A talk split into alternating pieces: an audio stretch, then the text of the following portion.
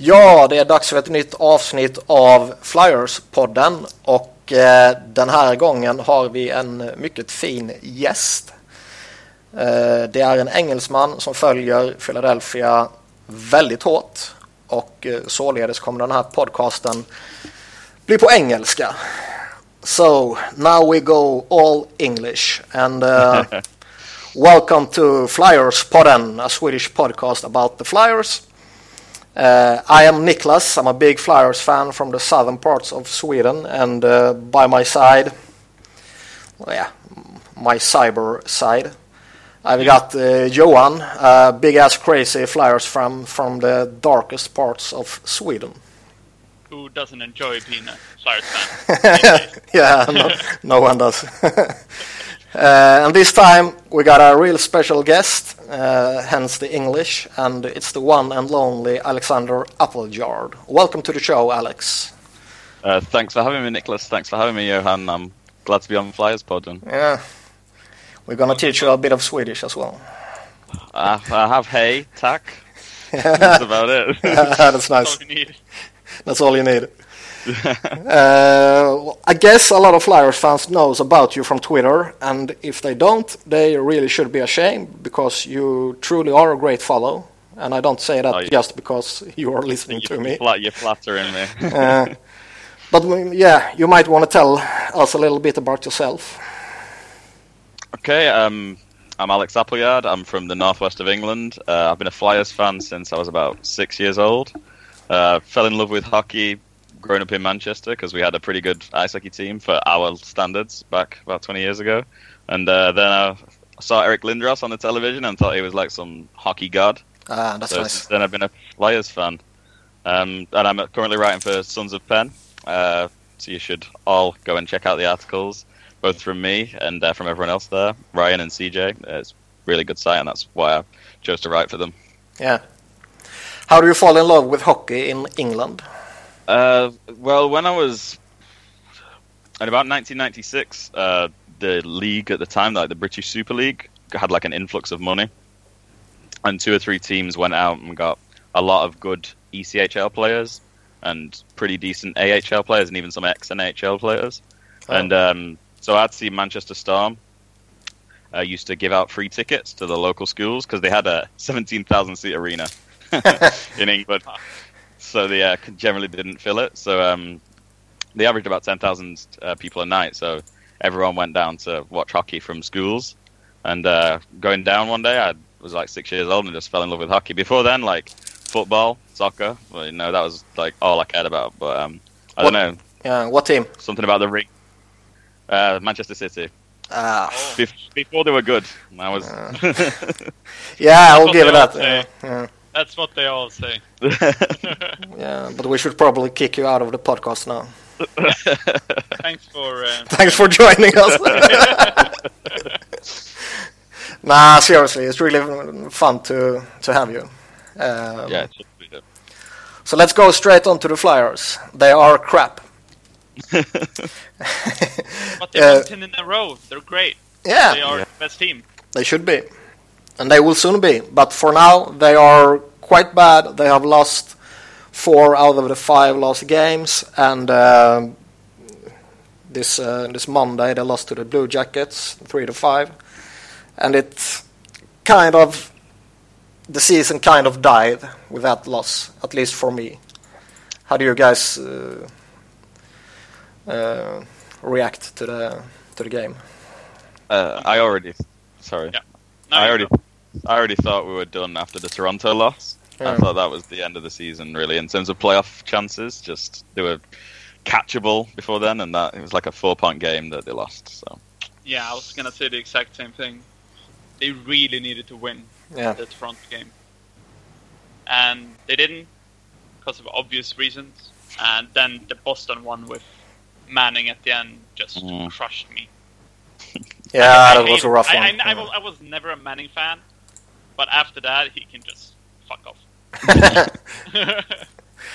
it's kind of I want yeah I, I really want to hate him but it's not his fault for being on the ice in the dying seconds of an important hockey game And you really shouldn't be allowed to put Brandon Manning and Andrew MacDonald on the ice at you know like the final shift of the game.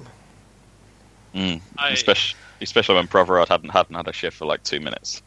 Yeah, I mean you got three, maybe three and a half good D-men in the Ghost and Provorov and Gudas, and then maybe Del Zotto as well. And then you got MacDonald and Manning, and you, yeah, you, you choose to put the two worst guys on the team Yeah. on the ice in the dying seconds of the game. That's just That's what I don't understand. I can't remember what forwards were on the ice on the goal. no, I, just I don't remember. understand how a coach wants to put the obvious choice for the two worst defensemen you have Mm. available in, in such Yeah. a big game So.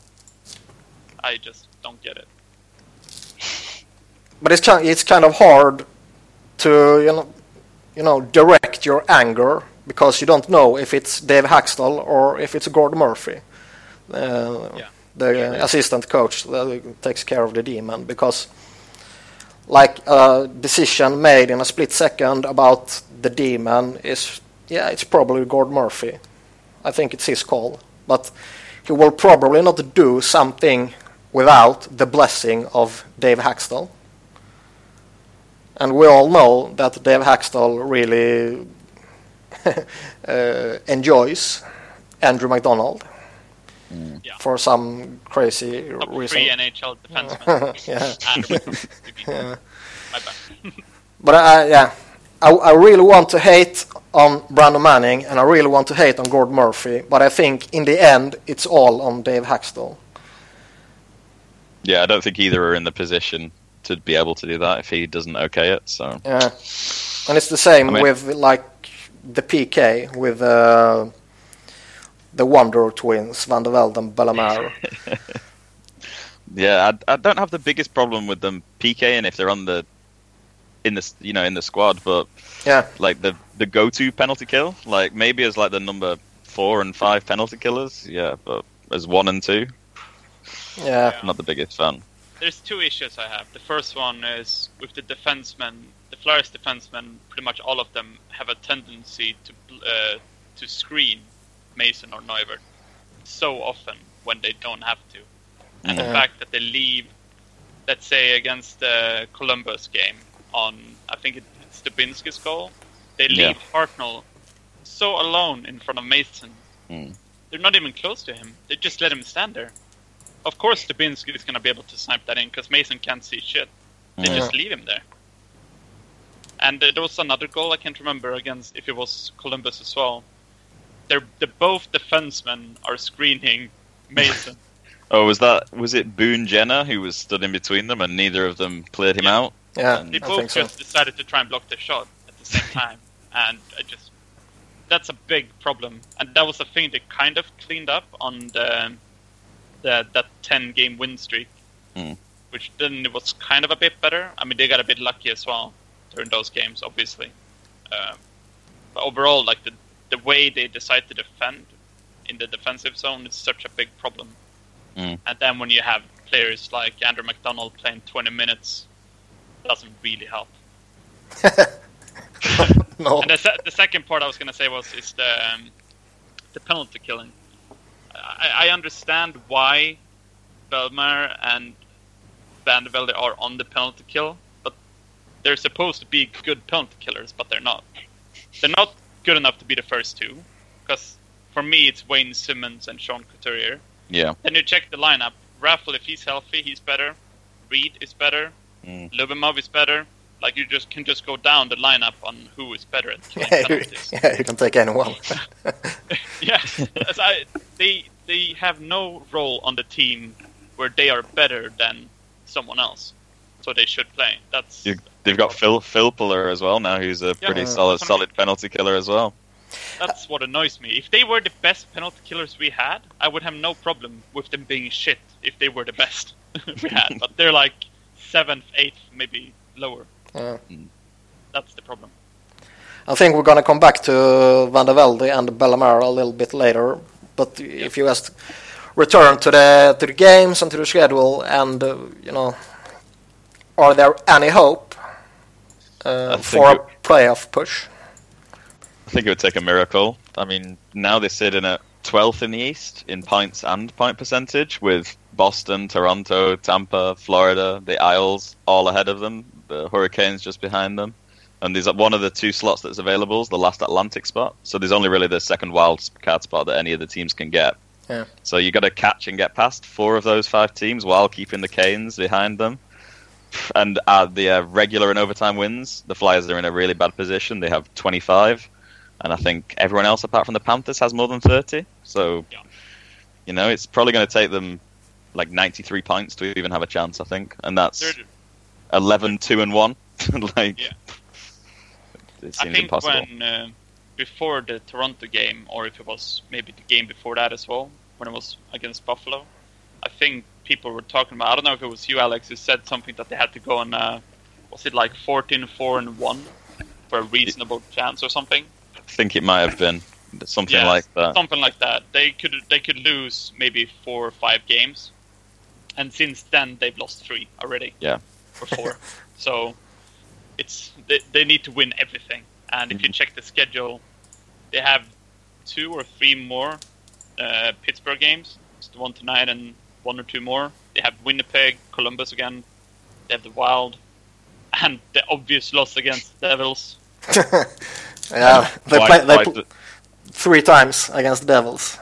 Yeah, and t- twice versus the Hurricanes, who they don't Uh, exactly generally match yeah. up well against. We know that's So gonna be think- like five losses. I'm pretty sure it's it's over. I just Yeah. I, I hate losing so much. I am such a sore loser in everything. Doesn't matter what it is, but I want them to lose and just get as good of a pick as possible.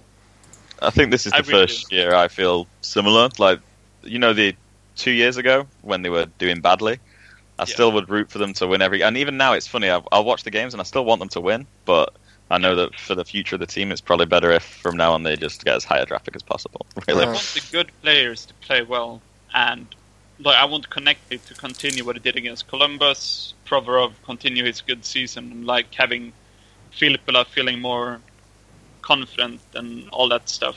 But I just, I, I want them to get a good draft pick. I don't need them to get Nolan Patrick or Hischier. I don't, I don't see that happening. Yeah. I just want them to be able to get a, a player that could be an impactful player soon, who is a forward, preferably, Mm. because we all know we have loads of defensemen coming, and that's what they need. Like you could just tell, uh, like the way this team has been built, they need uh, people or players who make an impact. So yeah, I kind of want the p- performance to be good, but I want the results to be bad.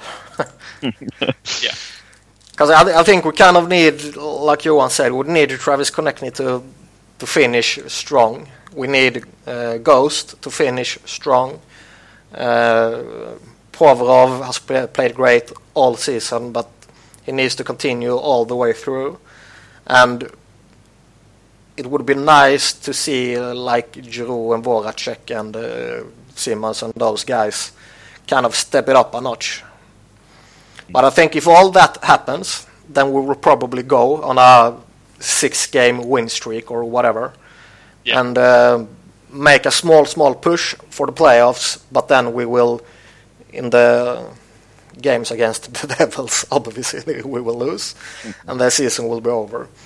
Uh, but I kind of feels that the the fan base needs to see something good coming from the core yeah, because there has been a lot of debate and hatred towards the core uh, from a lot of places, and not just uh, the stupid ones. Mm. Yeah. I think it's made worse by how well they started the season. Yeah. You know, the first 35 games, there was like Voracek was something like sixth in the league in scoring, and Giroux was, I know, 11th, and Simmonds was top 20. They were all, you know, I think Voracek was pacing for like 80 points, Giroux 75, Simmonds like late 60s, and those from three had there, a ridiculous start. Yeah. yeah, Simmonds were insane in the beginning. He was so quick to like 15 goals or something, Mm. I think. But pretty much everyone was playing great early on, except for maybe Yeah. Ghost.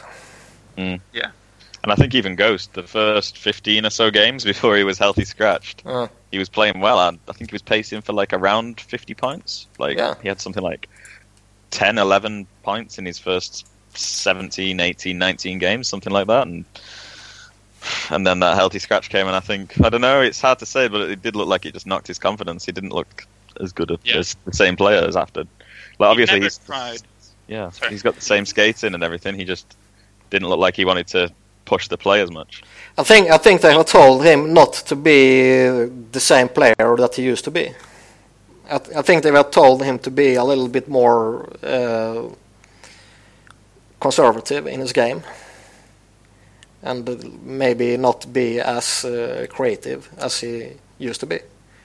That would be such a mistake, though. Yeah, I really don't like it. If if you get if you get one of those players that can push the play as well as he did, and he gets to the NHL and he really makes a huge success, then you just got to keep pushing him in that direction. You don't want to change his game. And I'm just a nobody from uh, Växjö in Sweden, uh, but I kind of think it's quite obvious. I think, think- especially you look at the best two defensemen in the NHL are probably at the moment Burns and Karlsson. Yeah. Like it's exactly what they do. Yeah.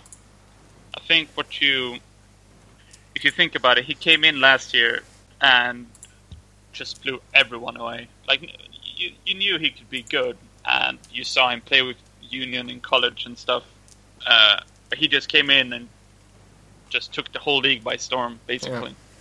Whatever he was gonna do this year, he was gonna let people down because everyone had such high expectations that were Mm. so unreasonable. there was no way he was gonna live up to them and he comes into the year having surgery and stuff, you kind of have to look at it that way. That it might have taken him a time to uh, get into it as, as he did last year. Yeah. I still thought he was pretty good most of the time, but then they started scratching him, and after that, the way he played, he never tried like the spinorama moves, the the side steps that he does so well, and all that stuff. You could see the last maybe 10, 15 games that he's doing that on like a normal basis, if you want to call it that. Huh. And he succeeds at it almost every time.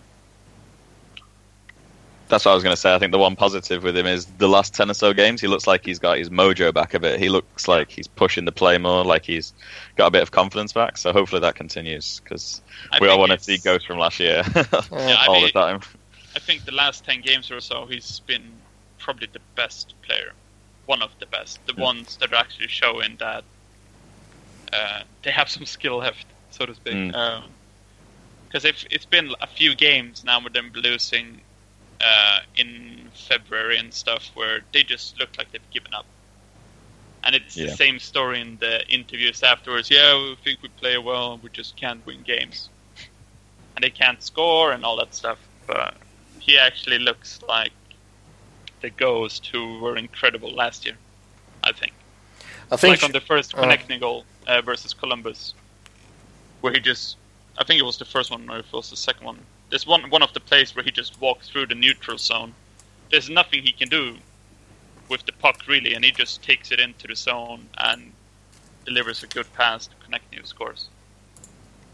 He never would have done that a month ago. Yeah. I kind of think that Claude Giroux is playing better as well. Yeah, I, l- I looked at it the other day and it's like I didn't realize he'd led the team in points since the start of February, Uh. which I don't know says if Giroux's been well, good, or everyone else has been even worse. Yeah, probably Maybe the the latter. second, maybe the second. Yeah. I feel like he's been quicker, his skating. Hmm. Because at times he's never been the fastest skater. Because he's not he's not a big guy, but he's not exactly tiny either. But he's never been the quickest skater. But since like February, as you said, he's actually looked quicker. And it could have been that he's been playing kind of not healthy, like kind of injured uh, from his surgery that he hasn't healed completely or Yeah. something. Because he kind of looked a bit off. The same thing has been said about the Ghost as well, that they are kind of getting uh, healthier from their off-season surgeries now. Yeah. But I don't know, you, you didn't see anything about it uh, at the start of the season from Giroux. Yeah, especially up until Christmas with him. Mm. You know, he was playing playing great. And Yeah. Yeah. But sure, he could have picked up something in January that's slowed him down, and now he's gaining momentum again. So that, yeah, that's a possibility. But it, I think it, I think it's kind of easy to see when he back checks uh, the way, like the power of his skating compared to what it was a while back. Like it's so different. Uh, I don't know. Maybe I'm just one thinking about stuff like that. He does uh, he does look better. It could be just Yeah. better decisions as well. You know, to Yeah, it could be. get an extra stride on everyone before they even start. or maybe we are fooled uh, by Jordan Weal's. Uh, quite amazing uh, few games here, because I really think he, Jordan Weal has kind of sparked the first line. Yeah, I think the speed, some creativity. He's quite feisty as well. Likes Yeah. getting to the net. Yeah. I know uh, I've seen some people compare him to Connor Sheary. I mean, I don't think he's Connor Sheary, but he's helped the Flyers over the time he's been up. Well, I mean, Yeah. they've still lost, but they've looked I mean, a bit better. I, we all get the comparison with Sheary. Is it gonna have the same impact? It's, I mean, it's kind of doubtful. But he's been pretty darn good since he got called up. Yeah. But yeah, it's yeah, it's not a lot of games, but in those few games, he has kind of proven himself to be an NHL player, and it's a small sample size, and he has played with some great players. So, you know, maybe we shouldn't be all too excited, but I really would like him to be. If he's not playing in the top six, he really should be playing in the bottom six. Uh, Look at the Rangers. They've got Brandon Pirri on the fourth line. Look at Columbus. They've got Gagne on the fourth line. Like Yep. these guys, are offensively talented guys who people thought were you know top six are a bust. To Yeah. say a phrase, and they're they're playing great on two of the better teams in the NHL right now in more limited roles that just suit their skill sets. I, I even think Weal looks good defensively. Like he's, Yeah, he's a small guy, but he, he gets in there and he's Hmm. kind of strong on the puck, even though he's like his size. I I don't see why he could not play in a bottom six role. Yeah. we will probably a better penalty killer than the Wonder Twins as well. Because Jordan Weal, even he won't, even if he won't make it full scale in the NHL, he will still be a top top player at the AHL level, and you will oh, the probably K- KHL, NLA, yeah. even even Sweden. You know, like Yeah. I I thought until a month ago, his agent would probably be calling up CSKA, seeing if uh, they wanted him. yeah. But Yeah. a lot's changed in the last month for him. I think. I think now next year, even if the Flyers don't sign him, another NHL team will. Yeah, I'm sure they would sign him. I, I think, hope. I hope so. I mean, it might be just me hoping, but I. I it would feel bad to give up an asset for that Yeah. for nothing. They should at least be interested in signing him for the Phantoms. He might not like it, but the Flyers are kind of stupid if they don't at least want to do that. Yeah.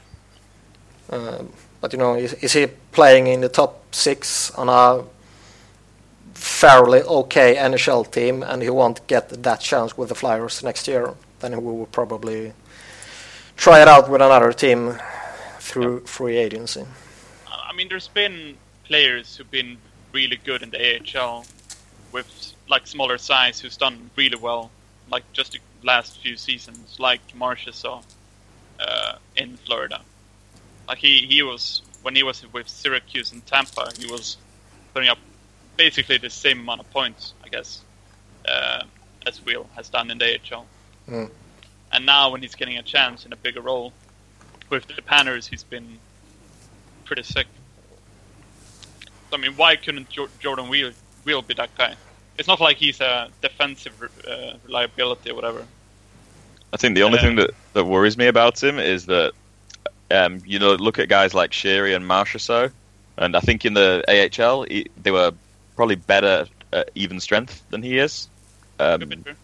production wise. Like, I, I know I was looked at the stats the other week, and like his, you know, um, non power play points per game were like 0.5, which is okay, but you know you have Laughton on the team, who's getting 0.7 in a tougher role.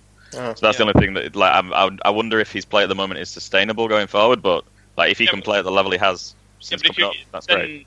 if you compare Marchessault and Share with Jordan Weal, uh, Uh, oh, yeah. Sheary and Marchessault, they play top six roles now. Yeah, they're great and, players. and I and Jordan Weal might not be a top six guy and put up those points, but maybe he could be like on a third line and do maybe thirty points a year ish, you know, something like that. I mean, why not? With the a- with the things he brings to the team, like they need speed bad, Yeah. and he would help Couturier if he's going to be the third line center, because he is slow. I wouldn't mind uh, Will as a fourth line center as well and push Bellemare to the wing and uh, send uh, VandeVelde to the KHL or whatever.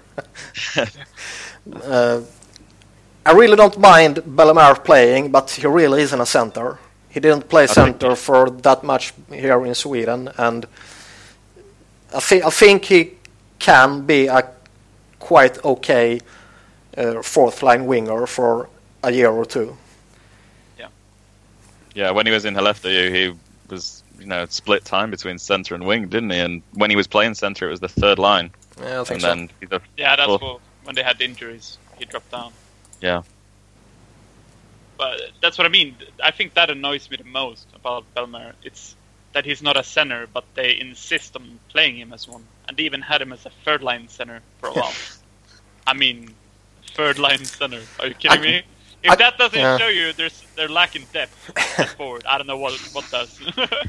I kind of get that they will try him out there uh, because he was quite good at the World Cup. Uh, it's a short uh, sample size, and we all knew that it wouldn't work. But I'm not that mad for trying it. Yeah. I think I that's think yeah, that's okay. I think the thing is with him in the NHL is he's like an average defensive player. Like Yeah. he's he's above average or average defensively. Like he's good enough in his own zone to play in the NHL for sure. And when he was at wing, he seemed okay offensively, but at center, I just don't think.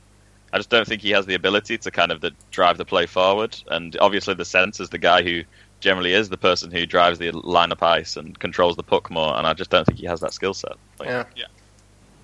Like like uh, Johan said, I think he could be a fine fourth line NHL winger. Like okay, but at center, I just don't rate him. I really want the Flyers to be- do what the Rangers did with the fourth line, like having Pirri or like Columbus with Gagne, as you said, because it's like kind of the new, the new way. Mm. Uh, you don't use the the goons anymore or whatever. You you need players who can actually make plays on a fourth line. Yeah. And if you check our current fourth line, uh, none of them can do. Yeah. None. Not even Lyubimov, who I I don't hate Lyubimov, but he's he's not good enough to make something happen. Yeah, he has a good he- shot. He's a good. but- Yeah, he's forward checking well and all that stuff, but that's about it. I think he can be quite uh, effective if he is playing with the right players. Yeah. If he's playing with crap, he will be kind of crappy. Uh, if he's playing with like a fourth line of Jordan Weal and uh, Nick Cousins or whatever, I think that will be a good fourth line. I think what surprised me is they haven't used him more on the penalty kill. Like, you know, he was probably one of the best two or three penalty killers in the KHL, and was picked for the Russian national team because he was such a good defensive winger and could penalty kill to a high level. And here, he's not really been a regular penalty killer. what I mean. I just mean like offensively, he he's not a guy you yeah, I, put on the fourth line and expect him to be able to create some stuff. He- Yeah, that's he's fair. Not gonna be that, Yeah. he, he's not going to be that guy. Yeah. I still I think he is what they believe VandeVelde is. oh yeah. Um, Yeah, that, that I totally agree with. yeah, but uh, what I, what annoys me with Ha- Hakstol, well, one of the things is if you look at the roster of all the forwards they have available, if you utilize and create four different lines, you're going to have a fourth line that's basically uh, Raffl, Read, and uh, Weise as a fourth line. If if everyone is healthy, that is not a bad fourth line. I But- think they, they don't believe Raffl can play center in the NHL. I think Yeah. that's the. That, the problem, the first problem is that none of them are a center. Um, And I kind of think you, I kind of want Raffl in the top nine. yeah, I want him on the third line. I've said that for like two years now. That's like the ideal. That's ideal. Yeah. Yeah. But that means you're gonna have to have enough players to fill the top six, which they do now, uh, since getting Filppula. Yeah. But the second thing I was gonna say, if you there's obviously different combinations and stuff, but if you put the top six as it is now, and then the third line with uh, Couturier and I guess Weal uh, or whatever whatever combination you want to do, and you have that fourth line I said with Read, Raffl, and Weise. Those three guys, they make seven something billion together, and they are on your third or fourth line the best. Those three players, like that's kind of a problem that you have too much money spent on bottom six players. Speaking of too much money on bottom six players, uh, Bellemare got a two-year extension at the trade deadline. Uh, 1.45 million dollars in cap it. Did you say three years? No, two. Did I say three? I meant two. I've I heard three. I was dying inside. uh, no, it is two years. Uh, how do you like that uh, extension, Alex? Um, I, I don't mind. I, I thought they were probably going to extend him. I'm not sure about VandeVelde. Maybe I'm being optimistic, but I don't think Hextall extends VandeVelde just because we've got so many forwards now going Yeah. into next year. But I just think if they're going to extend him, you know, his market value is like what 900k at most, really. When you look around the league, you look at some of the better fourth line centers in the NHL, you got like Brodziak and Cullen and Moore, and they're all on one million or less. like, I don't think there's much argument that Bellemare's better than any of them. no. I understand why they extend him. Like you could kind of tell that when straight away they gave him the A, they see him as a leader, all that stuff. I understand why, but they need to play him on the wing on the fourth line, and you can't have uh, VandeVelde playing as well. You can only have one of those if you're gonna have either of them. Yeah. You can't use both of them. You just can't. Yeah, like So Bellemare. if they actually put him on the wing and got a fourth line center who is not Boyd Gordon, who sucks. Yeah, but I, I, I think we can hope for Scott Laughton to be that fourth line center next year. I hope so. That would be nice. And you push yeah. Bellemare to the wing, and you either push Chris VandeVelde to free agency, or you put him on the side, like 14th forward or whatever, instead of having a kid uh, watching the game as a replacement player. Yeah. But I think, uh, they ki- they kind of groom in Laughton, I think, in the AHL to try and win that role next year. Like you look at what he's been doing with him in the AHL, they've given him no power play time. Yeah. They're giving him top penalty killing minutes. They're matching him versus the opposition's best players, and he's doing well in it. Like he showed last year in the NHL, I think that he could produce at mid, like third line level. Like he looked fine offensively, but surprisingly, it was how bad he looks defensively for a guy who came in with a resume as like one of the best defensive forwards in the OHL. yeah, the he was NHL the next Mike Richards. Yeah, Still a big ad- adjustment going from the CHL to NHL, and Oh, he went kind of straight away, if I remember correctly, to the NHL. to begin with. Yeah. Yeah, I mean, and he obviously wasn't ready, but I I feel like now when they've changed his role with the Phantoms that he could be. I have that hunch or like that gut feeling that he's gonna take that step he has to do defensively. Like I tweeted about it the other day that he's gonna take that role to be able to play on the fourth line, which would be Hope great so. because hope, hopefully that would push VandeVelde away. That's the most important thing. yeah. Uh, we also got another extension at the trade deadline. Uh, they decided to go with uh, Neuvirth and sign him to a two-year deal at 2.5 million dollars a year. And do we feel that they chose Neuvirth over Mason, or do we still think there's a chance that Steve Mason will sign here? I think there's a chance, but I'm not sure how big it is now. I mean, I know they needed a goalie to expose, it in in the expansion draft, and Nova seemingly is going to be that guy from what Hextall said at the town hall meeting when he basically said that yeah they're going to protect Stolarz. Yeah. But I I don't understand the the cap hit. I mean, I could imagine like you know like 1.5 just based off his like prior record. He's not as bad as he has been this year. Like you look at his record, he's like he's probably a 9-10 goalie, really. You know, solid backup. Yeah. But this year he's been atrocious. like a lot of that's the defense, but a yeah, lot's there's him. a few things that annoy, annoy me with the contract. The the money, obviously, because after all, it's a performance based. You have a really, really, really good season, like uh, let's say Voracek did before he got his contract. If he didn't have like that point per game season or whatever, or that good, he never would have got the Giroux money.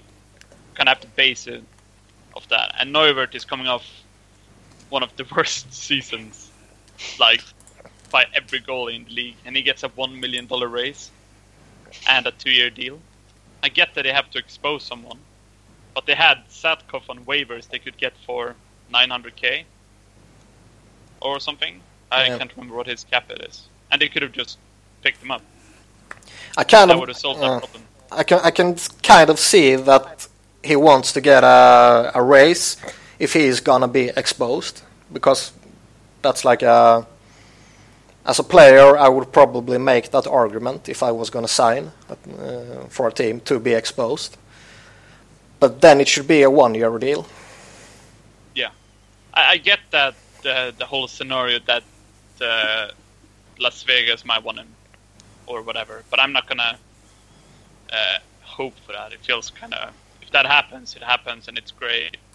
But I don't see how you can get a one million dollar raise if you're not even ninety percent plus in save percentage. Not for not for two years.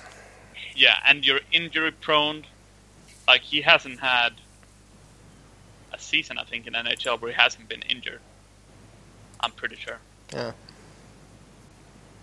So if they would have signed him, uh, like okay, maybe we can get him cheap now because we don't believe that he's actually this bad, uh, then they wouldn't have uh, paid him two point five.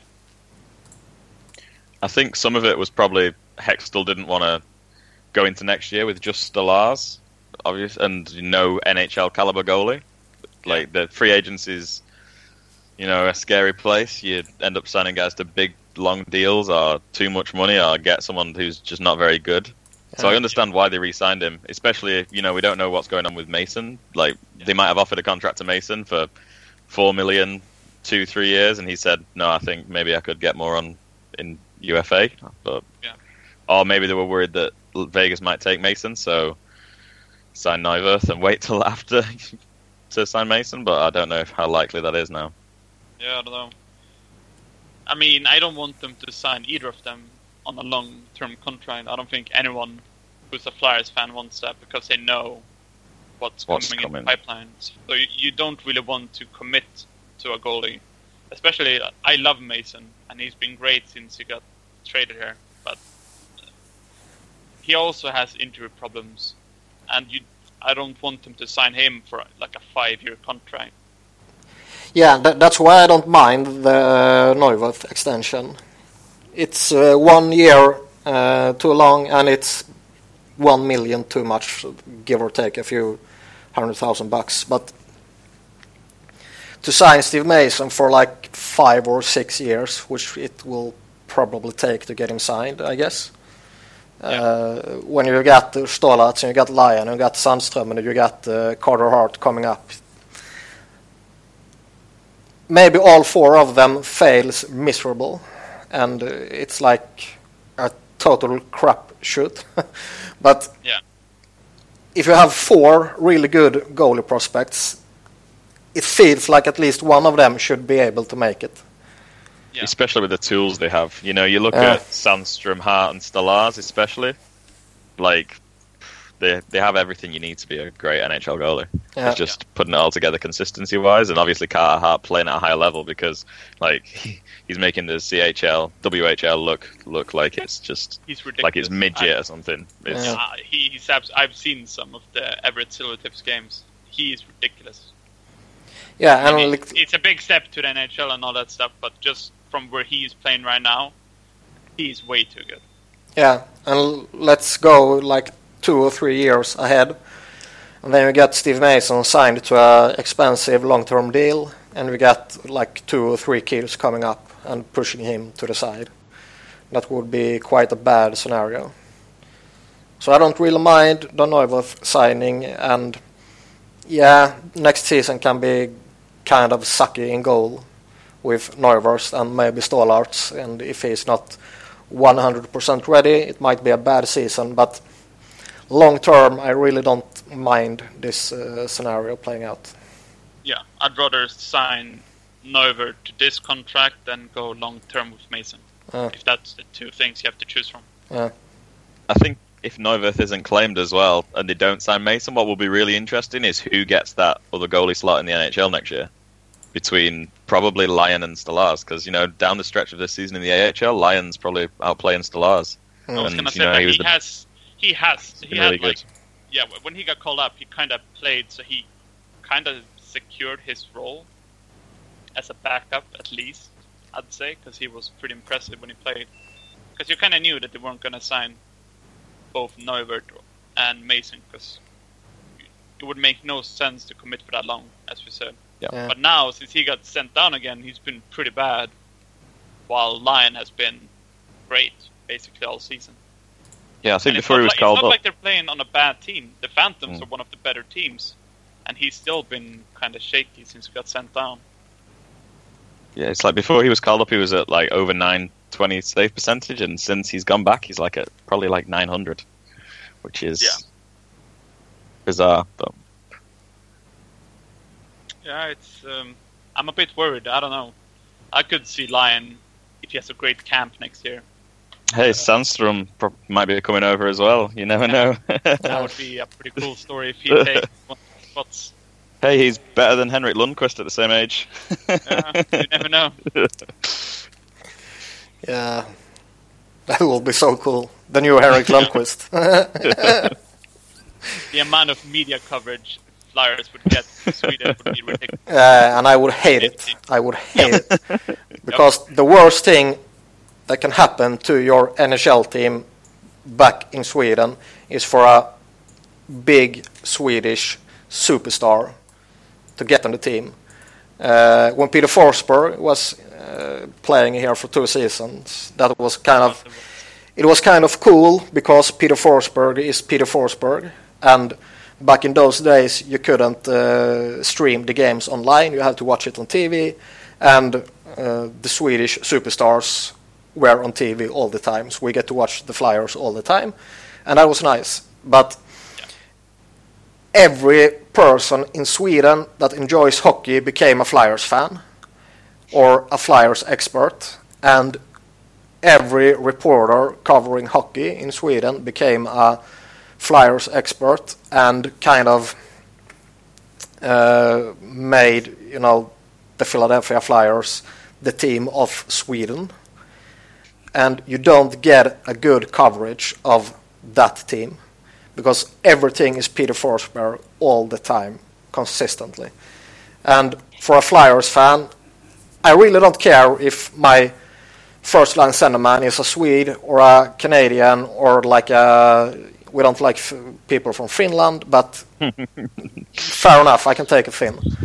Uh, but if that one is a Swedish guy back home, it will be so bad. Uh, Yeah. So I, I kind of don't want a big Swedish star. Now we're getting Sandström and Lindblom, Uh. a pretty good chance of being sort of an impact there. You never know how they're gonna translate their game from the SHL. But I think a player like Lindblom, who is kind of good at everything, have a chance to be a really good player. Yeah, I think if you look at the history, Sandström as well. history, He's like- obviously a really, really good talent. I think Lindblom's gonna he's gonna be a, a solid NHLer, but he won't be this superstar. So I'm not afraid of Lindblom. Uh, I'm not saying superstar, but still like a good player. Um, uh, like a, a, a player who could produce some points uh, yeah, and not sure. just be like Josefsson Or Yeah, something. yeah, but he, will- he won't he won't be the next uh, Sedin or something like that. He won't be that No. kind of superstar. No, definitely. Uh, so I'm quite okay with uh, Lindblom coming to the Flyers. Yeah, Yeah, I'm looking forward to seeing him next year. I mean, my expectation for him next year, I think he makes the team out of camp. He's been so good this year. For Brynäs, it would be a surprise if he didn't. And I think Would if he be- got 35 points next year, Uh, I'd be I'd be impressed with that. We're happy with that. in a way, it would be kind of a disappointment if it doesn't make it to the NHL. But I can see a scenario where Hextall and uh, his buddies kind of want him to start at the AHL level. Yeah, I could if he hadn't gone like last year in Lehigh Valley. He went there and immediately was like probably the team's best player. Yeah. Yeah, that No, was I- good. I didn't expect that. I thought he could be uh, that he could play pretty well last year when he came to the Phantoms, but he was he was the best. You could see straight away that he was good enough, or like better than the rest. Um, and after the season he's had with Brynäs this year, I'd be surprised. And he's like he's he's one of those players. It's hard to think of a comparison, but he's one of those players who just you put him next to Giroux, and he's just gonna score goals. Because he, he he's such a smart player with the way he positions himself. A lot of the points and and goals he scores, he does a lot of great plays as well. But he just ends up in the right spot, and there's not a lot of players the Flyers have who do that, or do that well enough, at least. Um, so I think he could, as you said, maybe do like 35 points in the first year. Yeah. What's nice as well is that with him, Konecny and Schenn both being able to play left wing and right wing, and then having Filppula as well, we have like multiple line combinations we can make instead of, you know, the last few years with Simmonds and Voracek effectively being only right wingers. You had basically Couturier, Giroux with one of Simmonds and Voracek, and then, you know, slot in whoever you want at left wing, probably one of Raffl or Schenn. Whereas now, if things aren't going well or lines aren't working, they can actually mix it up and Yeah. change things around and put guys in different positions. Yeah, that will be a big boost. But let's uh, let's return to the prospects a little bit later and continue on with the trade deadline. Uh, the Flyers acquired Valtteri Filppula. We have talked about him a little bit before. They also got a fourth round pick and a conditional seventh rounder uh, for Mark Streit. And let's start with Mark Streit. Do we miss him? No. I don't think too much. I mean, he was good in his first few years here, but since his since his injury last year, you know, he's maybe the fourth or fifth best defenseman on the roster when he was still here. He'd lost his power play spot to Ghost, and then Provorov had came up on the second power play and looked better than him when they were together there. Mm. And uh, you know, I think him being an upcoming UFA, I think the trade was always always on the cards. They, they needed Mark Streit when they traded for him. It's a, like it was a good trade at the time. The fact that he broke his penis and he was never the same player afterwards. I mean, who can blame the guy? Um, Uh, he lost his mojo. yeah. when he's that age, you kind of. I'd be more pissed if they didn't trade him. Yeah. Yeah. 39 years old, UFA. Just take what you can get. And Yeah. Uh, got Filppula, which is obviously a good trade. I really didn't expected that kind of return. No. I expected like a second rounder or whatever, and instead they got uh, a Filppula. And I really like Filppula. He has played great for the Flyers, and he has been a good player for many many years. And I really like him for refusing a trade to Toronto. Same. that's a that's a feather in the cap. Give him the C straight away. Uh, You don't want to go to Toronto, you're captain. Yeah. I kind of don't like that they rescued Tampa from a shitty expansion draft situation by taking Filppula off their hands. Uh, I kind of wanted them to get paid for taking Filppula in a way, but on the other hand, Filppula has uh, played really great, and he. I know you tweeted about it, Alex. Like for the first time in like seven years or whatever. It's- yeah, it's Yeah. a long time. Yeah, we have three really good top nine centers. Yeah, I think the last time it happened was when there was probably before Richards and Carter were traded. I mean, Carter was playing wing, but when they had Briere, Richards, and Giroux, I mean, that's better than what we have now. But Yeah. that was the last time that they had three top nine centers who could really, really play. Like between then, it's been Talbot was there the year after before Couturier, and then when Couturier became like a forty-point center, Briere was done. And Schenn isn't really a center, and Lecavalier played well for 20 games and then fell apart. And then Laughton, Cousins, Gagne. It's been kind of a mess that third line for a long time. I think you could tell straight away when Filppula was in the lineup that they looked way more balanced with their lines. Um, like I, right now with uh, Matt Read and stuff, like they don't score anymore. But and it's not like Reed is a bad player, but you need your like you need scoring depth, and that's still an issue, especially when players like Giroux and Voracek go through slumps and all that stuff. So that's still like a problem. But just the addition of Filppula has helped them so much with the lines. They actually have three lines that are good. Yeah. I kind of expected uh, the Flyers to go and get a centerman at the free agency.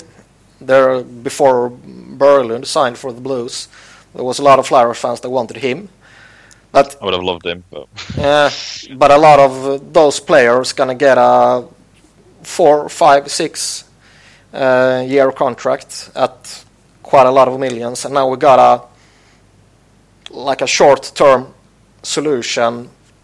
Five million dollars is a bit too much for Filppula, but for one year, I think it's a great deal. Yeah. I think the only other options in free agency were like, you know, Bonino or Fisher if he's ever going to leave Nashville. Uh. Like, once Bylund was signed and Smith was signed by Ottawa, like, what else is left? Mm. You, Brian Boyle isn't really an ideal third line center, like, and he's going to cost a lot of money and term. Like, it was a tough situation, and I think they did a really good job. Like, it's a no Yeah. risk, high reward trade. Berglund, uh, obviously, as a per line center, but he got a four-year deal, I think, just Yeah. under four million, and it's a bit too long. So Yeah. I Especially think 'cause he's been inconsistent. I think inconsistent. Yeah, I think Filppula is a perfect stopgap before we have maybe other prospects uh, ready to come out.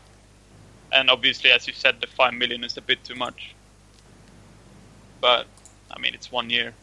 and he's a great five on five uh, player, I love that fact. I'm perform- performance wise and production wise, and that's Yeah. kind of a big deal on the Flyers. So I I really enjoy this uh, couple of games from Filppula. Uh, he's mean- playing great.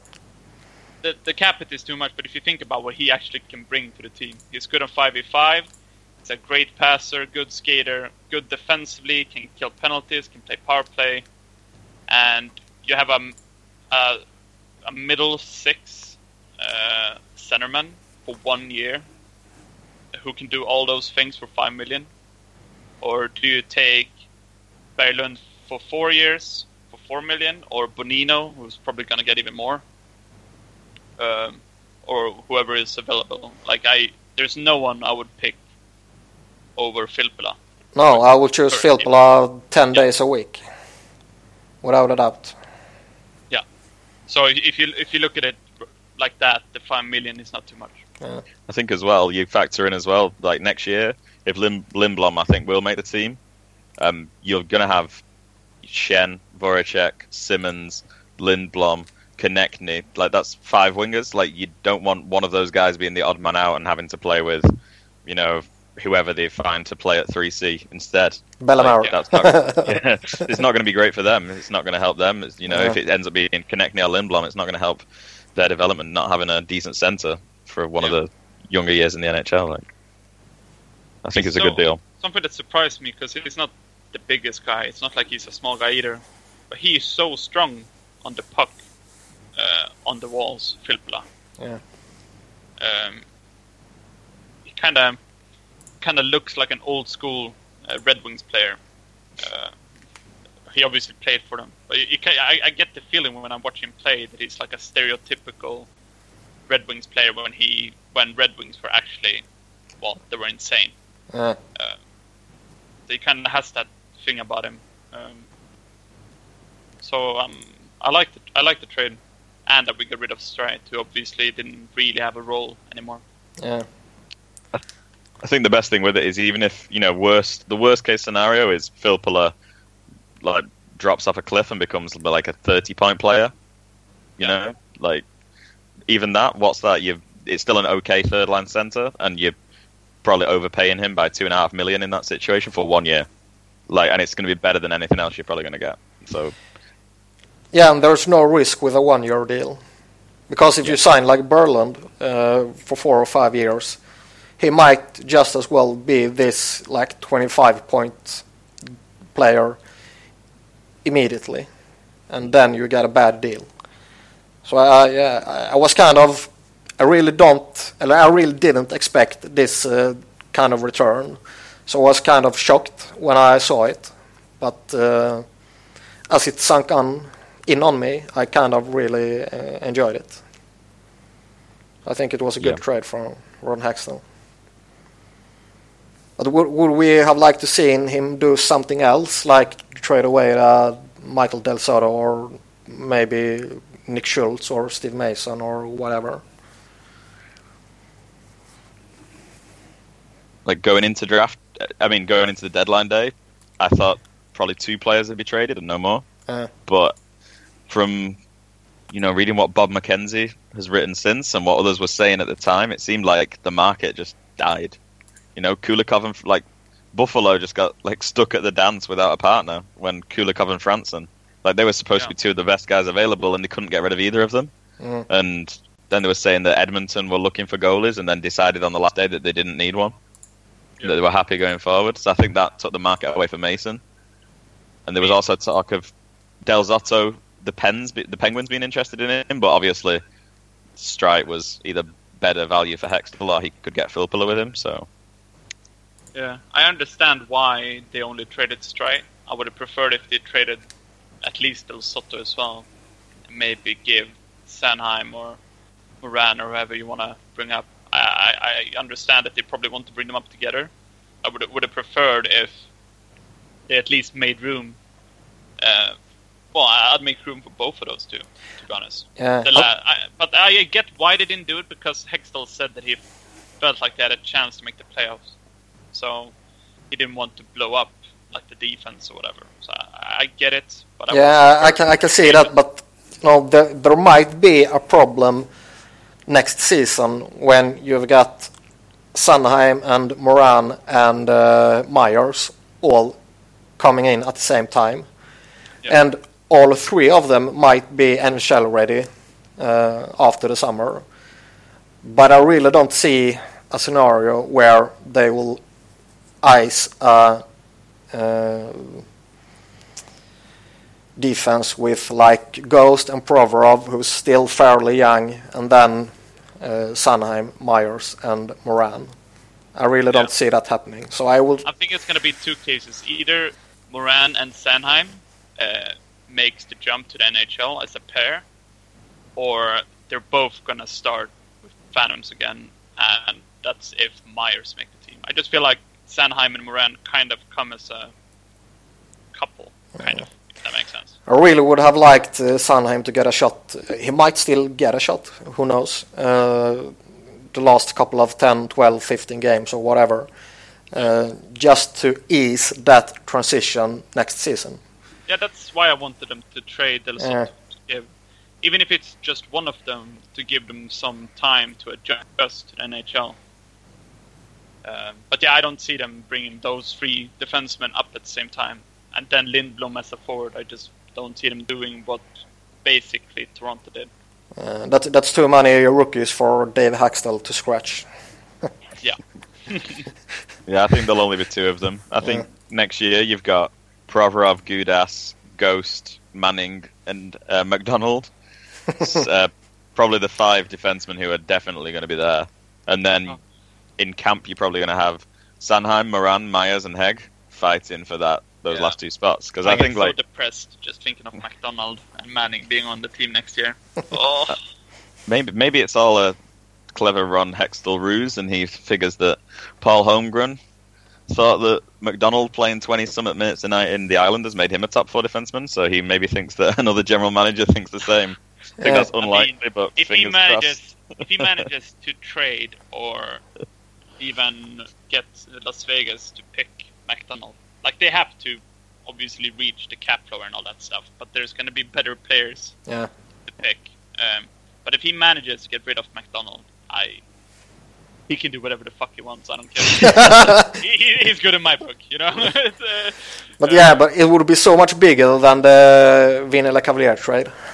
And that trade was kind of epic. But the thing is, they have they can't retain free contracts um, this summer.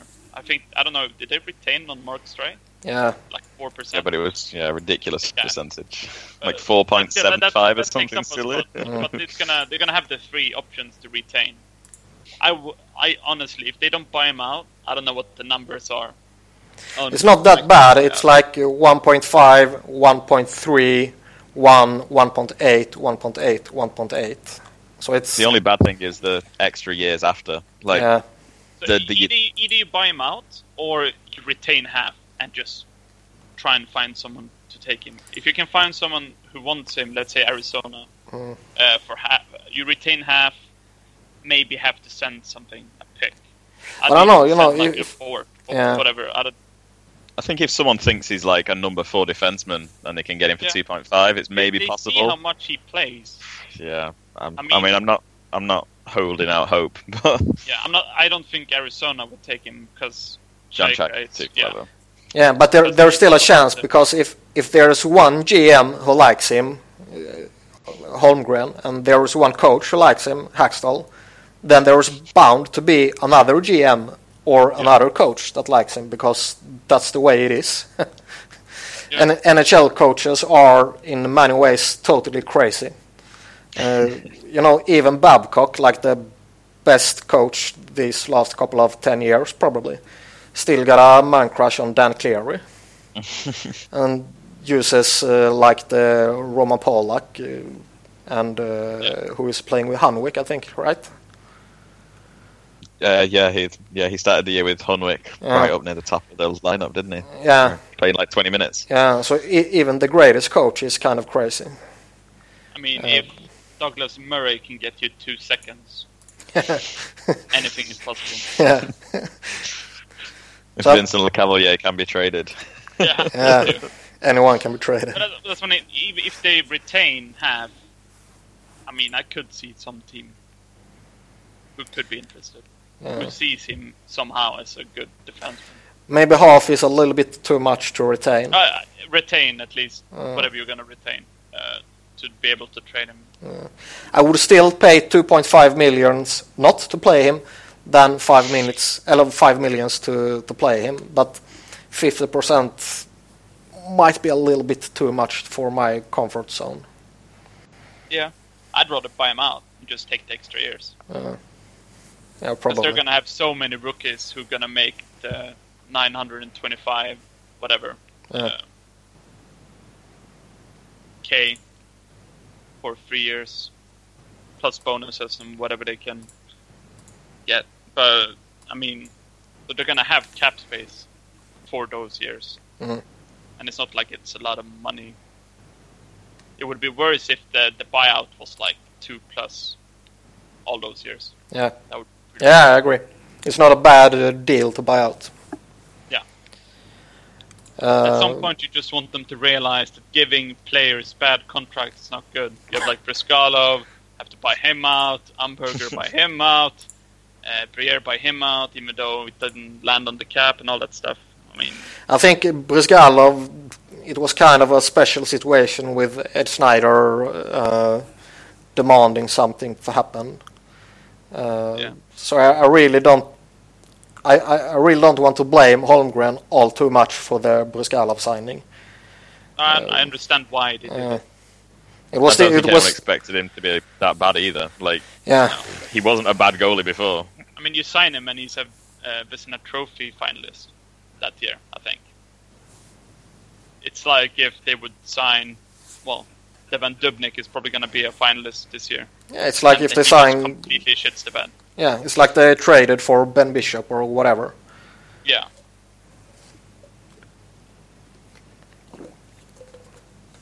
So do we uh, do we want to go on to the core of the team? We spoke. Why, why not? One sec, I'm just gonna. I saw a tweet now. Frank Seravalli tweeted that Flyers are planning to salute Mark Streit with video tribute tonight. Yeah, I kind of don't understand why. Yeah. He's a good player, but I What- don't think he was. He was a good Yeah, he player, and he kind of, you know, except yeah, we talked about him, except for this last couple of months, maybe, or like this season, he was not bad. But he played here for like three and a half years, right? Yeah, I don't really understand it. If it's a guy, I think it's just a lot of NHL teams are doing it now, aren't they? yeah, Just doing the. Like, that, that takes away the whole point of it, though. yeah, if it's a guy say that has played special. like 800 games, then you have to do it. But now it's just kind of stupid. Yeah, I don't like it to be honest. But not everybody uh, has a broken penis, so maybe he deserves it. I mean, he deserves it just for breaking his penis. but yeah, let's let's go back to the core. Uh, like Claude Giroux, uh, Wayne Simmonds, Sean Couturier, Jake Voracek. Should we be worried about the performances of those players?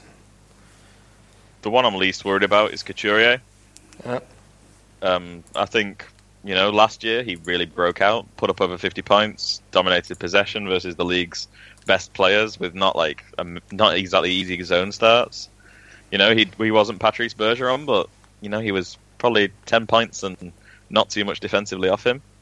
And yeah, like this year he's at 33 point pace, but he's scoring more goals than last year per game.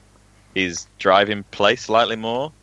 Like last year he was like 54% Corsi. This year like 55 and a half, and his relatives better, and his individual like shots per 60 and are pretty much the same. You know, like I don't. I- I'd be more worried if like everything else was down, but it's like it's just his assists, and no one on the team can score. So, Yeah. Yeah, I, I mean, I'm, I'm not. You kind of know what you have from Couturier. It's just, it's, it's so frustrating because he, he puts up all those, all these numbers you said, like all the advanced numbers. Uh, but at some point, you just need him to actually not be on pace and actually reach and have like a breakout. See, if you want to say like what Schenn had last year when he scored uh, all those points and goals or whatever, you kind of need him to actually have that season, not just be on pace to have that season. If it wasn't for that or an injury there, you kind of at some point you need him to actually Do have it. it. Yeah. if, if, if it makes sense, because it's kind of frustrating. Yeah, but that year he he had bad line mates, which I, I understand that they've had really bad teams for the last few years, like having VandeVelde playing with him or, or, or whatever. But at some point he just has to have the season and not just be on point or pace for it.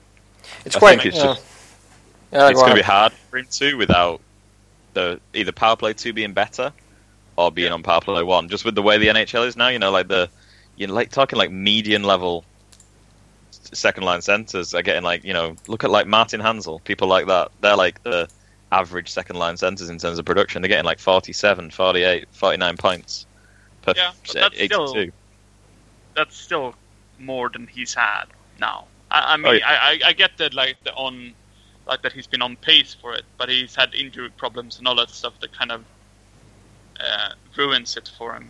But uh, and I would love to see him play, let's say instead of Schenn on that role. But why would you take away Yeah, you wouldn't- the you guy wouldn't take who, who scores the most Yeah. goals out of anyone? It, it makes no sense. We I can mean, that's the- Schenn how much we want. It just makes no sense.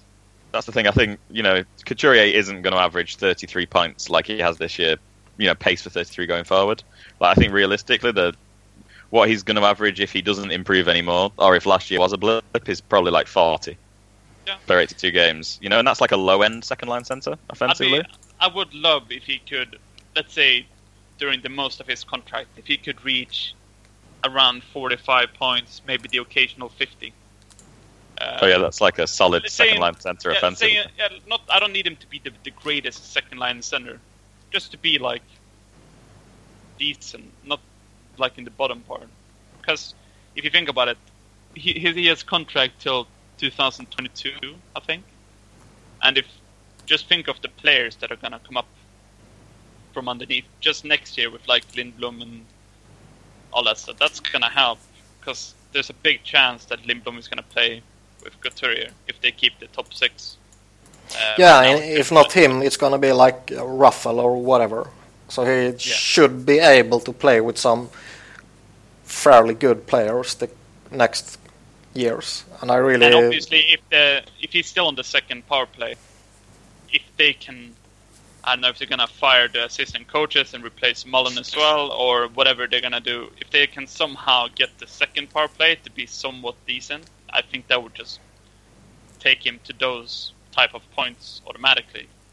Yeah, I mean we're, the we're, we're all talking about that he has some pace and all that stuff, and he's uh, driving play, but at some point you just need him to actually get the results and so on. where do we want him at the second power play?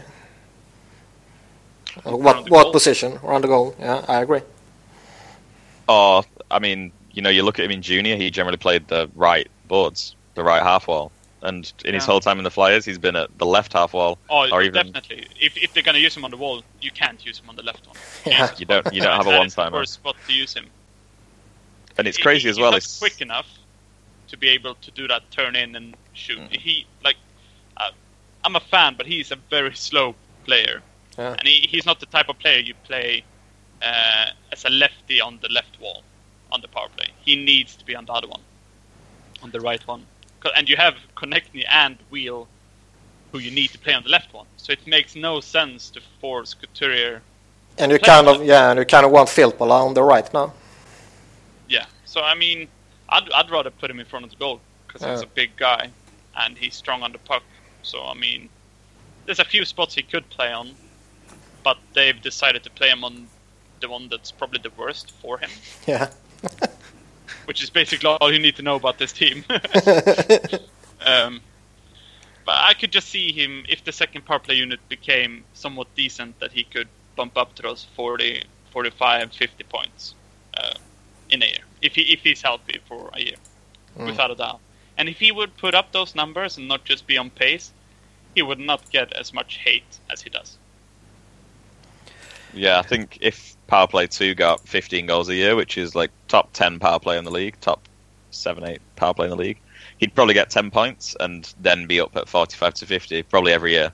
Yeah. And then you're like, well, he's an And then he's average second line center and all that offensively. Yeah. who is one of the best defensive centers in the NHL, and everyone loves him. Everyone would love him. He and Schenn are like the complete opposites. One guy scores goals, but he can't do shit. The other guy doesn't score much, but he does everything else really well. Yeah. Um, and there's like people who love Schenn. Uh, they're normally the ones who hate Couturier, and then you have people who love Couturier who hate Schenn. Um, but no one would like be angry about Couturier if he just did what we just said. I think that's one of the And concerns he I could- have. Yeah, I think he could get to that point. He just has to do it. I think that's one of the concerns I have next year. Is getting Filppula is really good. Like I think it makes the team a lot better, but I can't see both Filppula and Couturier getting more than say 45 points. I just don't think it's possible in Yeah. today's NHL. I think it, I my guess is both get around 40 points next year, Yeah. just because Honestly, they take I'd opportunity. Be, I'd be okay with that. Yeah, but that'd be great. But I think Yeah. some people obviously would look at it and go, but I think I think that's fine. You know, you look at look at Chicago with their middle sixes. Obviously, Chicago had Keith and Toews and Kane, but you know they had Richards and Vermette and Bolland and Shaw, and they were their second and third line centers. Like Yeah. the Rangers got to a Stanley Cup final with three 50, 55 point centers. You know, I don't think it's so set that you have to have you know the first line, the second line, the third line center. Yeah. I think I if all think of them come together to make the end result, you that's need great. your. You basically need four lines who can produce somewhat. You don't need a fourth line to be like a, basically a top six line in producing, but you need especially the top nine to be able to basically play against any line. You can't have. That's like the, the, the good teams. They just roll four lines. But it's like the the games against the Penguins when like Couturier has been hurt or whatever, and you have Claude Giroux playing against both Crosby and Malkin. Uh, that's kind of not good. Yeah. So now they got three really good center, and I think I agree that probably neither Couturier or Filppula is gonna have a big season point wise, but performance wise, I really see a big step in the right direction for all three centers. Yeah. Uh, but yeah, are we afraid of the like decline of Claude Giroux and Jake Voracek, or is it just a crazy season that is like a we should just uh, forget about it and move on? The thing I'm worried about is how much this team in general, not just Giroux and Voracek, although they are obviously on the first power play, how much they rely on the power play. Yeah. That they are in fact so incredibly bad at 5v5. I think They have, I don't know where they are in on 5 on 5 or like even strength, but they have to be bottom 5. They just have to be, if not worse. Yeah, they're, they're not good there. And what Yeah. makes it worse again is like last year and the start of this season, like the whole of last season, they were fine at 5v5. You know, they weren't amazing, but they were, I think, you know, around the middle of the pack, just above the middle of the pack level. And the start of this season, up until 35 games, they were once again in the same place. The guys are getting similar numbers. And then since then, it's just all kind of fell apart 5v5. No one scores. Yeah, no but I don't know if that's a system issue or personnel issue, a bit of both. If it's how, like how to, how to fix it. But it's Well, kind of it's kind of it's a problem. str- yeah it's kind of strange that everybody has fallen off the same cliff. Yeah, Yeah. Everybody pretty much is performing worse this year compared to the last year, and in a way, that's kind of good because if it would be like only Claude Giroux, I would be like I would probably freak out. yeah. Then it would definitely be decline. Yeah, I think a big problem. I know uh, Charlie from uh, BSH uh, talked about the way they play in the offensive zone, and the fact that they always try and get back to the point. uh, and they may win the shot battles every night, but how how often do they get to like the high quality areas with their chances? That's not close to enough to be dominating a game. so and it, it's kind of lame to try to produce a lot of point shots when you've got MacDonald and Nick Schultz and Brandon Manning and like Gudas playing the blue line. I like Gudas, but. And he shoots a lot, but it's not his shooting that is his like real strength. No. So you got Ghost and you got Provorov, who is the only players worthy of having the puck at the blue line. So it's kind I of a stupid system. I think for me, one of the that's one of the one of the mitigating factors when evaluating, say, Hextall, Hakstol, I mean Hakstol this year, is that last year the defense played pretty okay oh, all year, and this year obviously Provorov's came in and he's amazing, but the only other defenseman, who, the only returning defenseman who's played at the same level and not worse is probably Gudas. Like he's played probably around the same level. Like Yeah. I think Del Zotto just going from like a guy who was probably a, objectively a number three Yeah. number three defenseman around the NHL to just being probably are you know healthy scratch worthy a lot. This is really then AMAC coming back from the AHL and I think that's a lot because they're able to be as aggressive in the neutral zone at times to turn the puck over. So it's meant they've spent more time defending in the defensive zone where the the defense is small, it's undersized, they're not able to clear the crease and they're just bad there. I think that's not helped at all. Yeah. But but Hakstol's inflicted some of that on himself, but I don't think Del Zotto regressing, Ghost not having as good a season has helped at all, and AMAC being there all the time. Just the fact that everyone is having a down year, basically. Uh, Yeah. That's gonna. Yeah. If all of them have down years, you're you're not getting a lot of free points with assists or whatever. As you said, with Couturier, you're not getting a lot of assists. Um, I'm sure that's the case of all of them. That's why they're not putting up the points and all of that stuff. But I just hate the fact that they want to go back to the defenseman on the point so often when they're in the de- like in the offensive zone, because you, then that means you rely so much on puck luck or shots not getting blocked, or that you get a bounce your way. Mhm. instead of creating your own puck luck with, let's say, uh, a pass to like a high quality area or or all that stuff, you kind of force that you have you have no how do you say you have no impact on. You're just lucky if it doesn't hit a skate stick. Like you, you have to create your own puck luck by making good plays, and I don't think they make enough of those. Yeah. Because they show those graphs where you see where they've been shooting from, and it's like nothing close to the goalie, and then it's just shots from the point. And considering think how good the a month- goalies are, you're not going to score a lot of goals like I that. think about a month ago it was like they had the fur- I'd, I've not checked them in a while, but they had like the furthest average shot distance in the NHL. and that It is was- a problem. Yeah. And So let's uh, let's bring on the Dave Hakstol hate. Are there any reasons why we shouldn't hate him? um, I came up. I started writing a big list of bad things about Dave Hakstol, and then I thought that I'd said so many this season, especially that I'd been so angry at him that I'd try and be nice. um, so I'm, I'll counter with some positives. Like last season, he showed I think he could be a pretty solid NHL coach. Yeah. Like it was better at any point than Berube, I think. Like Yep. the system last year with the aggressive defenseman, the centre coming back through the middle. You know, there's a lot of neutral zone turnovers. Teams were having trouble getting the puck deep against them. Um, it was it more enjoyable hockey, and Yeah. the aggressive forecheck.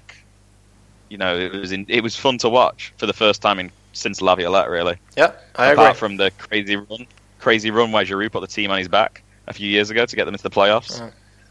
I think he was helped by you know Gostisbehere being frankly amazing, and Giroux from probably the middle of November last year being extremely good, and Schenn towards the end of the year just becoming the Schenn that everyone thought he could be when he was in juniors.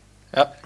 Um, you know that's probably the positive. Like last year, like I agree. I liked his first year. I really felt that he could be a good coach, and I really, I really felt that he was a big thing in all the kids uh, taking a step in the right direction, like Ghost and Schenn and Couturier and uh, uh, yeah, probably forgetting someone, but whatever. Uh, this season he has like done everything the other way around. Yeah. Like like I said before, I think they have told Ghost to play a different game and we all know the stupid things about Konecny being scratched and whatever. And I kind of don't feel that he has helped Nick Cousins. And I, uh, neither. Like, I think he played well last season, uh, but really, like, didn't get a shot early on this season. And, you know, I, I really, really, really don't like his personnel decisions and his uh, player deployment. Like I said Oh, yeah. before, uh, a couple of defenders on the ice in the dying seconds of a game shouldn't be MacDonald and Manning. And that, yeah, Gord Murphy is the coach in charge of the D, but it's all on Dave Hakstol in the end. Yeah. So do, do we do we uh, do we expect him to come back next year? I'd be surprised if it didn't.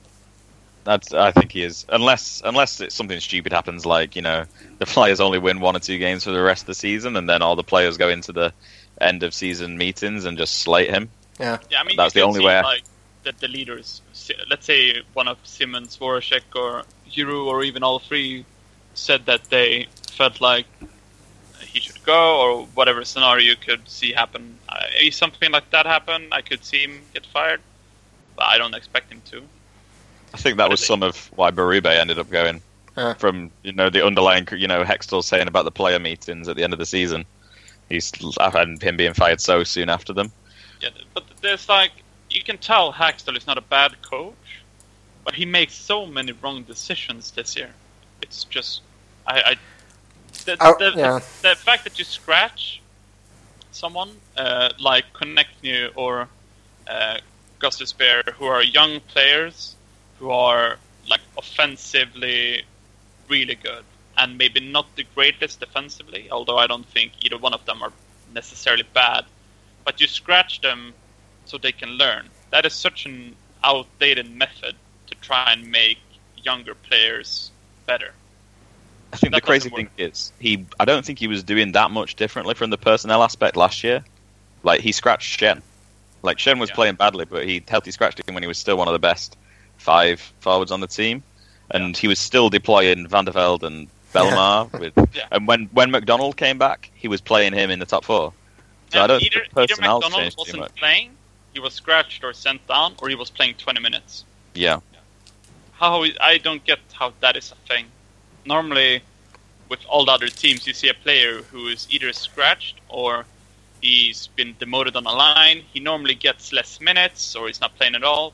But with MacDonald or VandeVelde, or if you want to say all the bad players who are not held accountable, they, they, they get so many minutes, even though everybody knows that they're not going to help the team win as you think they will. If VandeVelde and Bellemare was, let's say, defensive dynamos, that they were incredible at shutting down the opposition, yeah, I'd be okay with them on the ice for quite a bit if you're trying to defend the lead.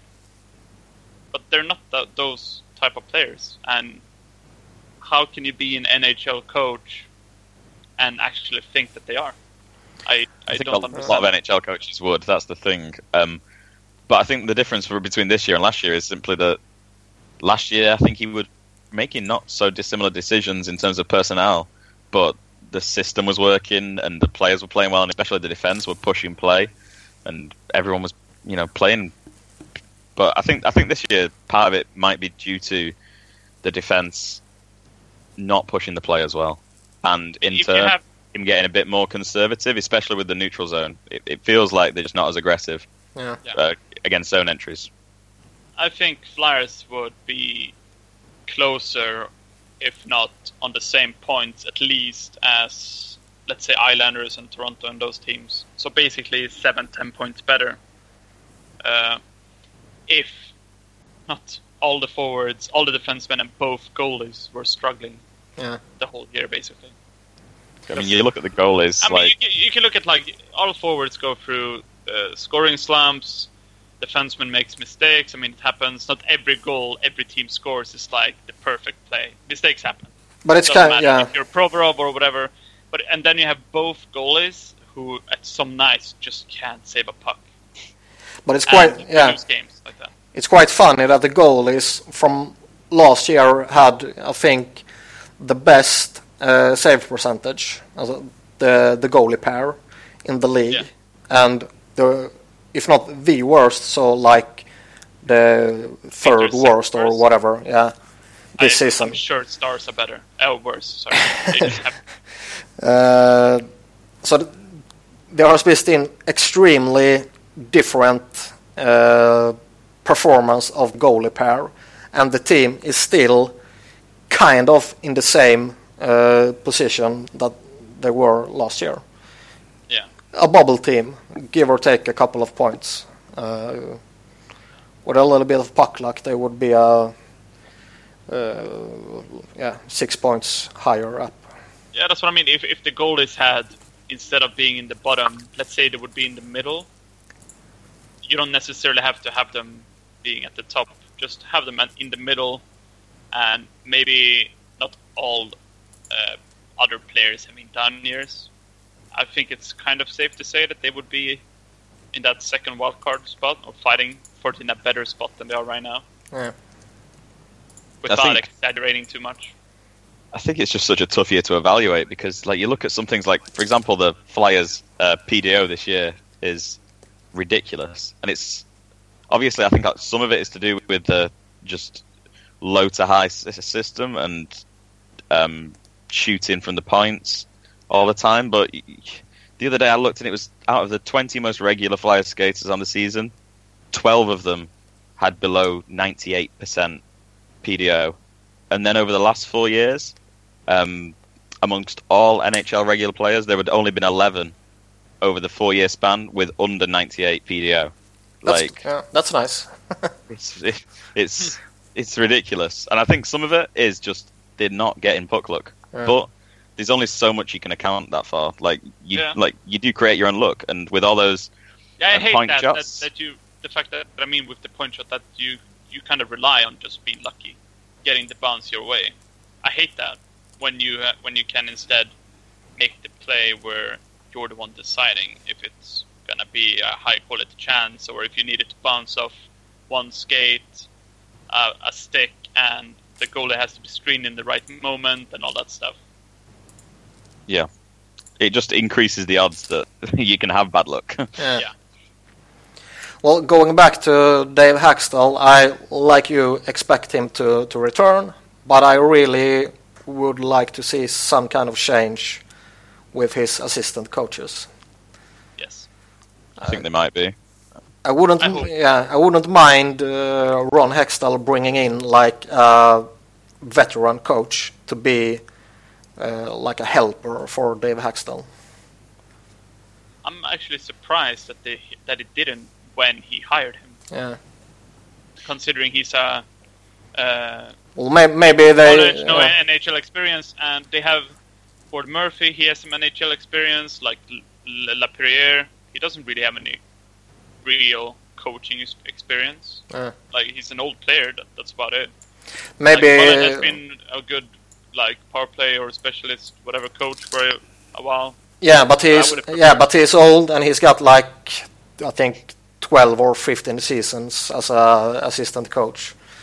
Yeah. In the NHL, so maybe they see him as that guy, but I don't I really think do it. As well with Mullen, like even though we get frustrated with the power play, it's still pretty decent power play. And like you look at his record, and as Yeah. much as I, I hate that he hasn't adjusted, it's something like every single season he's been in the NHL with two different teams. There's only been one so far where his power play hasn't been top ten, which is Yeah. ridiculous. Like Yep. you understand why he's still there because he's I get produced results. But I, I understand that the top that it's top ten, uh, but that's all based on one of the power plays. So he's only doing half his job basically.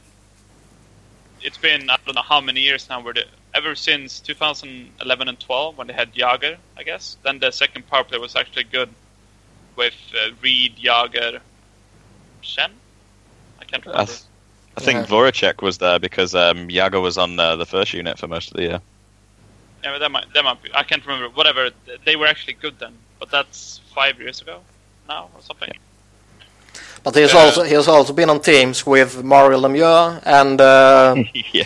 Chris Pronger and Kimmo Timonen and Claude Giroux and Danny Briere and Mike Richards was a good power play uh, player and Yeah, but that's what I mean. It feels like he's doing half his job because he only has the first power play unit. Yeah. working. yeah, I So agree. if, if if if Giroux and Voracek and Simmonds, who basically run the whole thing with goes, if they don't have a good game, and like the game was it against Columbus when they had like eight power plays? Yeah.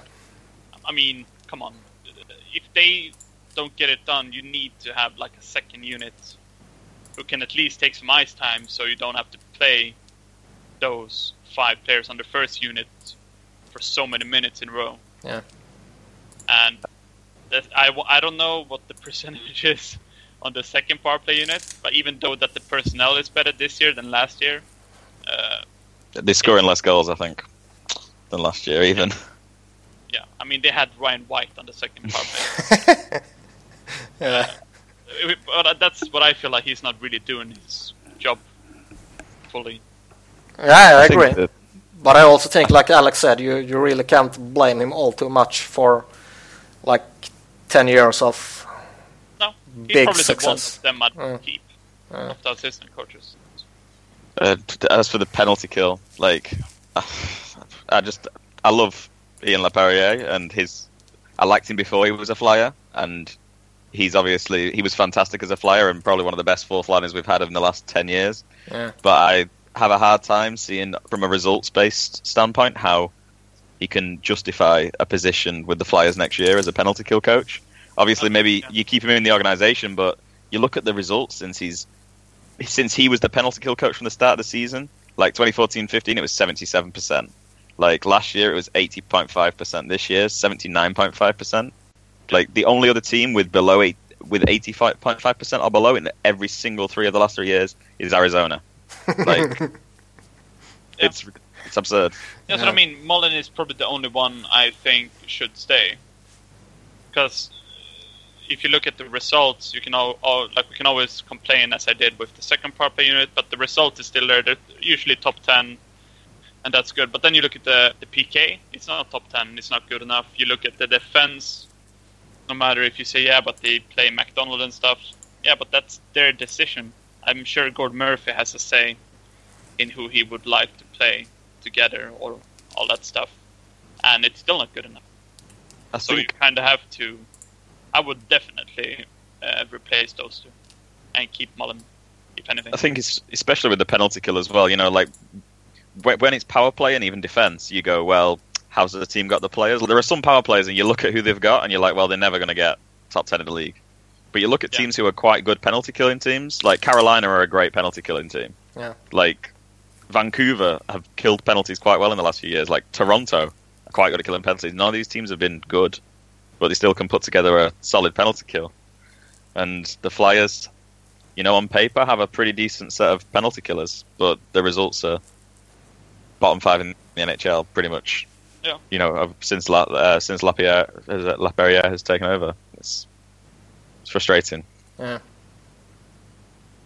Yeah, I was a bit disappointed when they got to stay, uh, when they hired Hakstol.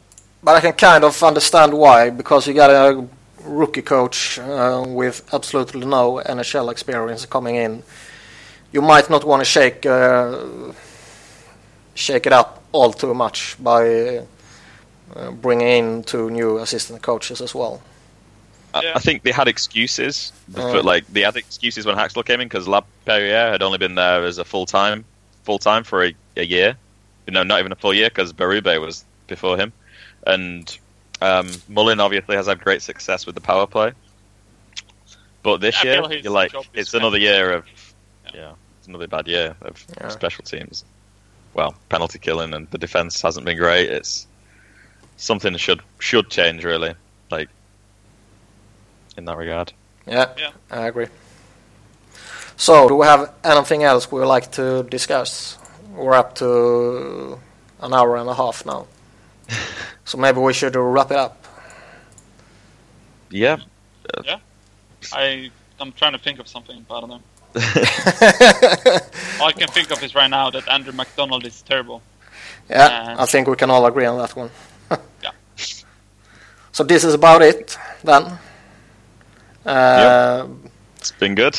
I really enjoy it. Uh, big thank you to Alex for joining us. Yeah, us. thank you very much. It was Uh, tack Johan, tack Niklas. varsågod. I gotta say, I'm reading I'm reading a Philcola article, and just when you said it's been good, it's I read those exact words in the article. I am not kidding. The exact words. Uh, Uh, that's yeah. that's that must be some kind of special jinx. yeah. Yeah, that was, that was weird.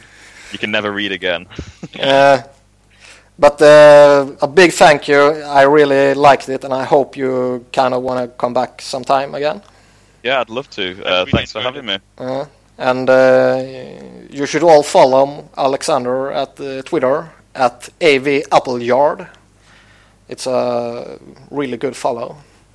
And uh, you should always follow me and Johan as well at, uh, at Niklas Wiberg and at Johan Gartner, the crazy ass uh, Swedes. You should also all follow Sons of Penn as well. Uh, Yeah, it's a good site, really good site. yeah, yeah.